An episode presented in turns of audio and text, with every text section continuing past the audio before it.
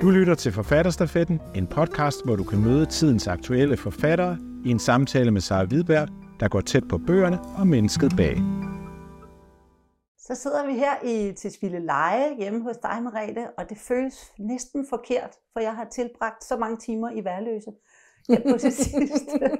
Og øh, sammen med Merle og Merete i øh, den bog, der kom efter Folkets Skønhed, der hedder Vi kunne alt. Øh, hvordan var det at skrive dit barndoms værløse frem? Jamen, først så var det slet ikke meningen, og så startede det lidt som sådan en vidighed, for jeg var jo sådan ligesom startet på en ny historie, men der var så mange, der spurgte mig, jamen, hvad skete der med Marie? Så tænkte jeg, så kan de jo blive naboerne, fordi så kan vi få lidt at vide om, hvad der skete med Marie, for det vidste jeg jo godt. Øh, og så var det, så havde jeg sagt på et tidspunkt, øh, jeg holdt et foredrag, og så sagde jeg, ja, men altså værløse, det kan jeg jo ikke skrive om. Der er ikke noget at sige.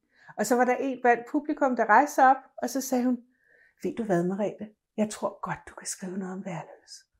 Og, og det var ligesom, det var så sjovt, hun sagde det, eller sådan, jeg tænkte, jamen det kan jeg måske godt. Og så begyndte jeg at øh, huske alle detaljerne.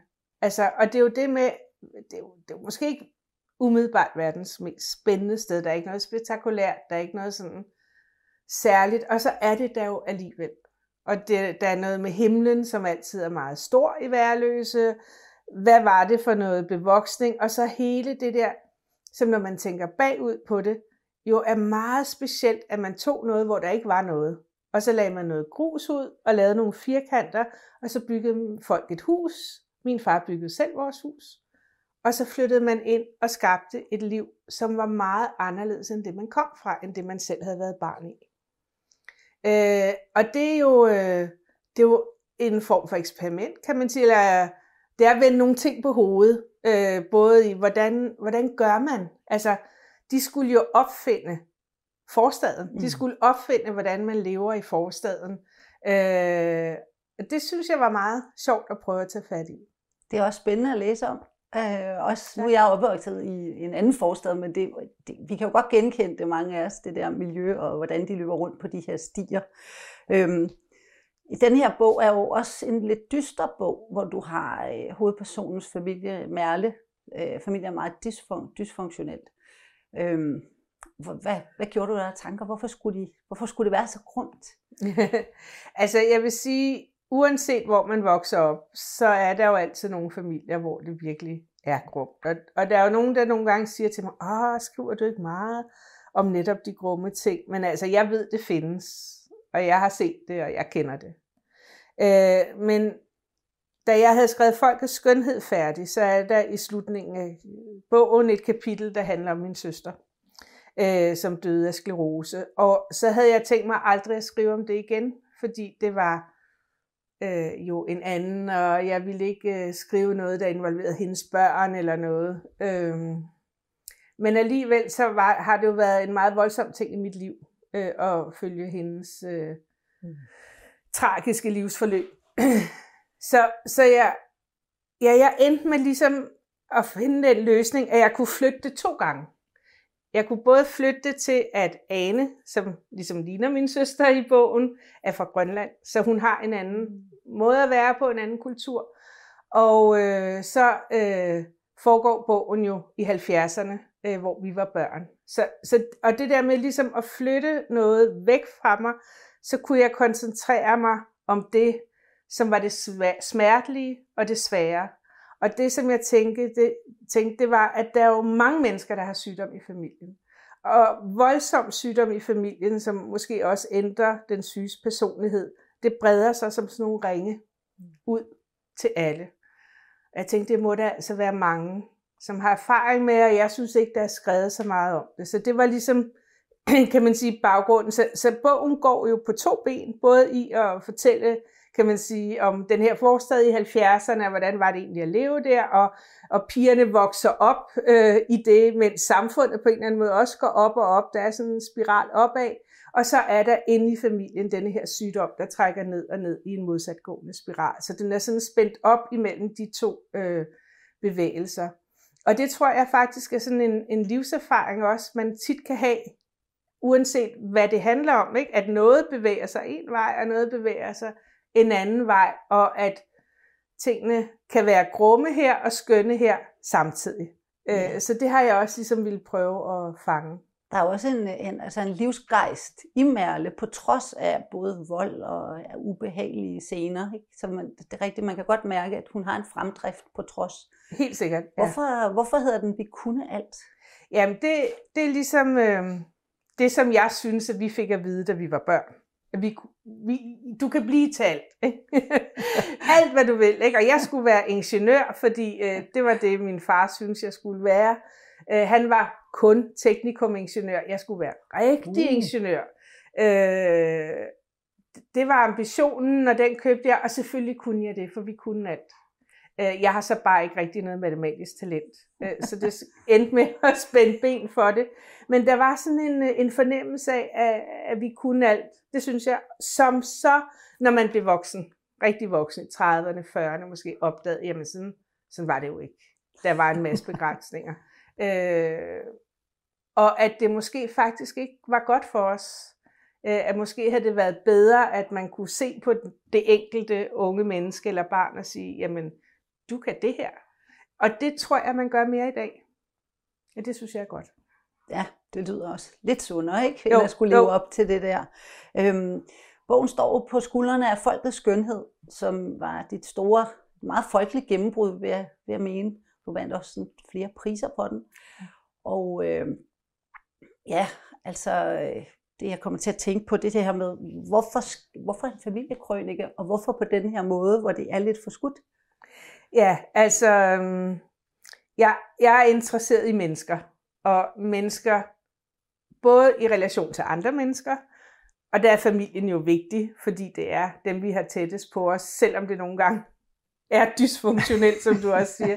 Øh, og så også mennesket historisk. Altså det, som jeg altid spørger om, det er, øh, der er ligesom den enkelte, den man er, hvad man nu kan og ikke kan, og ens personlighed. Og så er den, der er den historiske tid, øh, som man ikke vælger. Og hvordan, hvordan virker de to ting sammen? Øh, og for nogen virker det jo nogle gange fantastisk, øh, og øh, for andre virker det slet ikke. Og hvordan præger det os, hvad for en tid vi lever i? Altså, hvad, hvad gør det ved os øh, i forhold til dem, vi er? Jeg synes, det er det mest spændende at spørge om. Og det er ligesom, kan man sige, hele grundkernen i mit forfatterskab, det er de her spørgsmål. Ja, og her der er du jo også du tilbage i 60'erne, 70'erne ja. og, og på vej op i 80'erne. Og den der velstandsøgning. Øhm, ja. Og så sidder jeg og tænker, men hvorfor er de så, så ulykkelige alligevel? Hvad er ja. det, der gør, at de er så det er jo netop fordi, at, øh, at, det, at det altid er de her to ting samtidig. Ikke? Altså det enkelte menneske og samfundet. Ikke? Og du kan ikke vælge, hvordan du har. Du kan godt blive rigtig, rigtig syg med din opgangstid, og så er det faktisk det, der fylder mest. Ja. Jeg tænkte, om du havde lyst til at læse en lille bid op fra ja. øh, Vi kunne alt.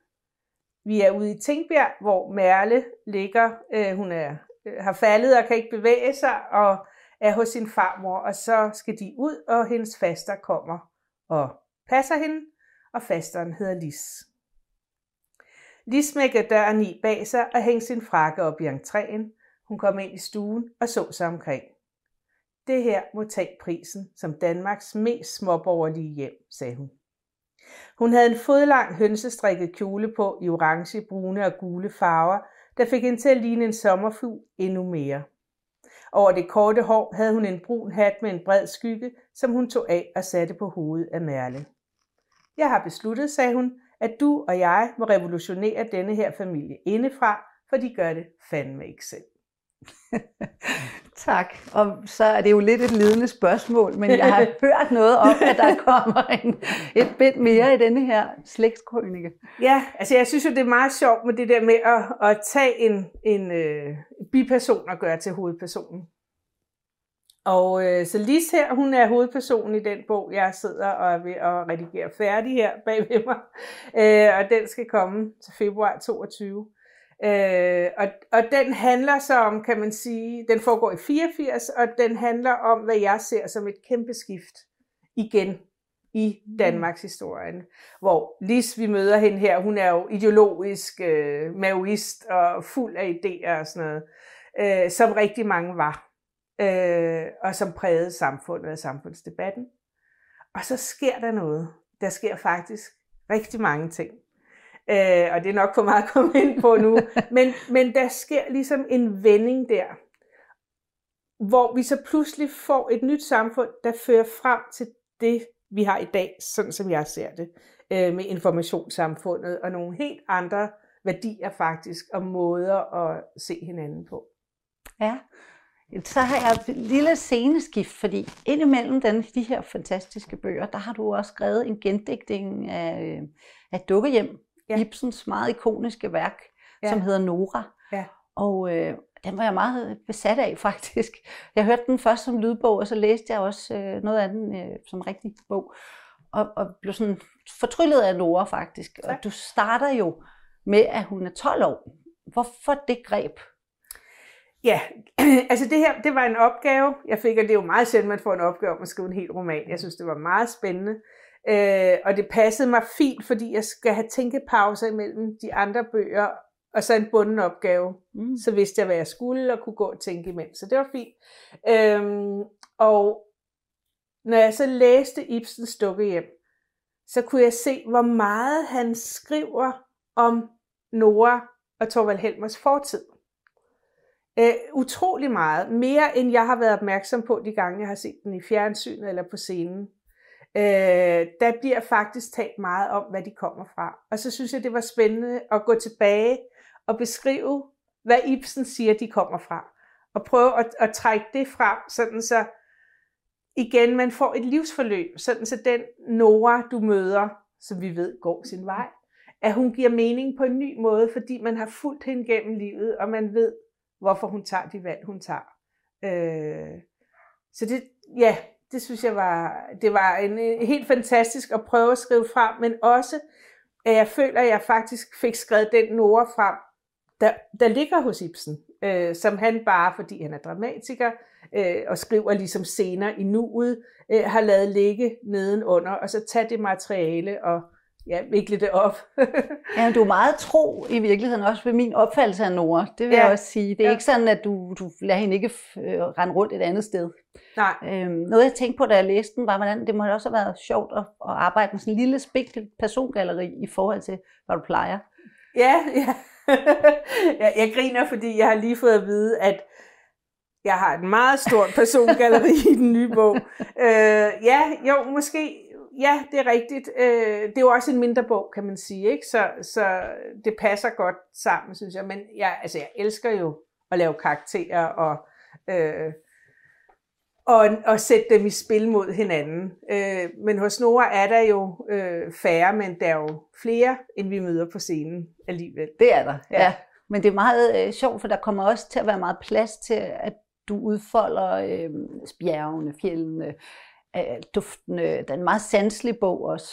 Ja. Og det, det er ret god plads til den, tænker jeg. Ja, jamen, men, og det var også, altså jeg skulle beslutte, hvor den foregik. Øh, der er en lang historie bag det, men det blev til Molde. Og så var jeg i Amalfi, hvor Ibsen har skrevet dukke hjem på Hotel Luna, og jeg var inde være i det værelse, han har siddet og mhm. skrevet i, hvor der er sådan nogle meget store vinduer i en kanap. Og når jeg kiggede ud af dem, så var det som at se fjellene i Molde. Fantastisk. Så igen, så følte jeg faktisk, at han havde knyttet noget sammen inden i sig, som jeg så bare øh, skriver frem. Ja, sjovt. Ja. Her til allersidst, så vil jeg høre, om du har en, øh, en bog, du vil anbefale til vores seere. Ja, altså det er sådan lidt øh, i ordets bogstaveligste forstand nepotisme, fordi det er min søn, øh, som har oversat et digt af en, der hedder en Hedwana. Øh, han har oversat det fra oldbabylonsk og, han, og direkte fra lærtavlerne. Det er jo, det er jo helt sindssygt. øh, men det er øh, den første forfatter, som sætter sit navn på sin tekst, vi kender. Øh, og jeg synes jo, at øh, vi, vi er i en tid, hvor vi kigger tilbage og siger, åh, alle de her kvindelige forfattere, der egentlig var, og som bare historien har skrevet ud, at, at vi må ligesom dreje historien lidt og se, jamen måske skal vi lige have nogle nye øjne på, og så er det rigtig spændende, at det her er den første forfatter i verden, der ligesom starter det hele. Øh, og det er et, øh, et, et digt til gudinden i Nana, og det er sådan voldsomt og stærkt, og en masse sådan øh, vilde metaforer, og jeg synes, det er rigtig skønt at læse, og jeg kan også godt lide at læse det, fordi at det er noget helt andet. Altså det er ligesom, der er noget i det, vi ikke genkender. Der er noget i det, hvor man tænker, okay, sådan her kan man også tænke, hvis man nu lever i en anden tid. Ikke? Så igen kan man sige, det som er mit, min grundkerne ting der med, med personen øh, og tidens forhold til hinanden, det kommer også frem her, ikke? at man kan gå ind og møde en, en anden opfattelse af en anden verden. Ej, god anbefaling. Tusind tak, tak Marete. tak.